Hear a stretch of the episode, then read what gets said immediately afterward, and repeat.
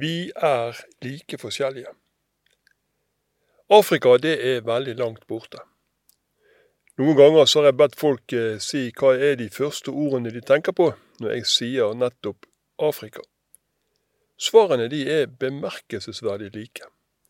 De første begrepene man kommer opp med, er ofte sånn som eh, det er varmt, ørken, safari, uhjelp, krig, elefanter, dans, Mandela. Og ingenting er feil. Alt fins der, kanskje med unntak av salige Mandela, da. Men i denne litt uh, uhøytidelige assosiasjonsleken så ligger det også en avsløring av noen menneskelige mekanismer. Hvis vi uh, skal sette ord på noe som er fremmed, eller skal komme opp med noen ord om noe som vi ikke har rundt oss i det daglige, ja, da leiter vi etter forskjell.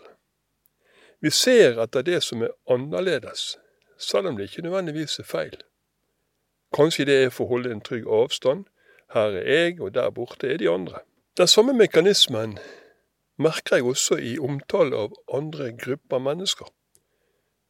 Rusavhengige, pasienter eller andre i samfunnet. Vi søker etter kontrastene, og ikke minst så ser vi dette i møte med mennesker fra andre kulturer.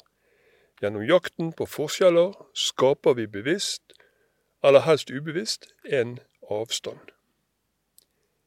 I livet mitt så har jeg med mennesker å gjøre som er ofte blitt satt i bås. Folk som er blitt sett på som annerledes, og som derfor opplever seg plassert på utsiden.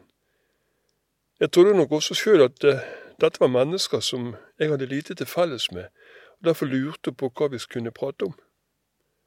Men så feil kan man ta.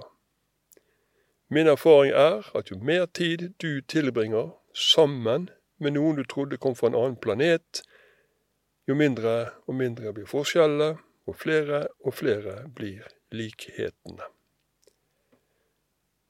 Der finnes de samme drømmer, samme ønsker, samme håp om en god fremtid og et godt liv. Og til slutt så ender det opp ansikt til ansikt med noen som er kanskje skummelt lik deg sjøl.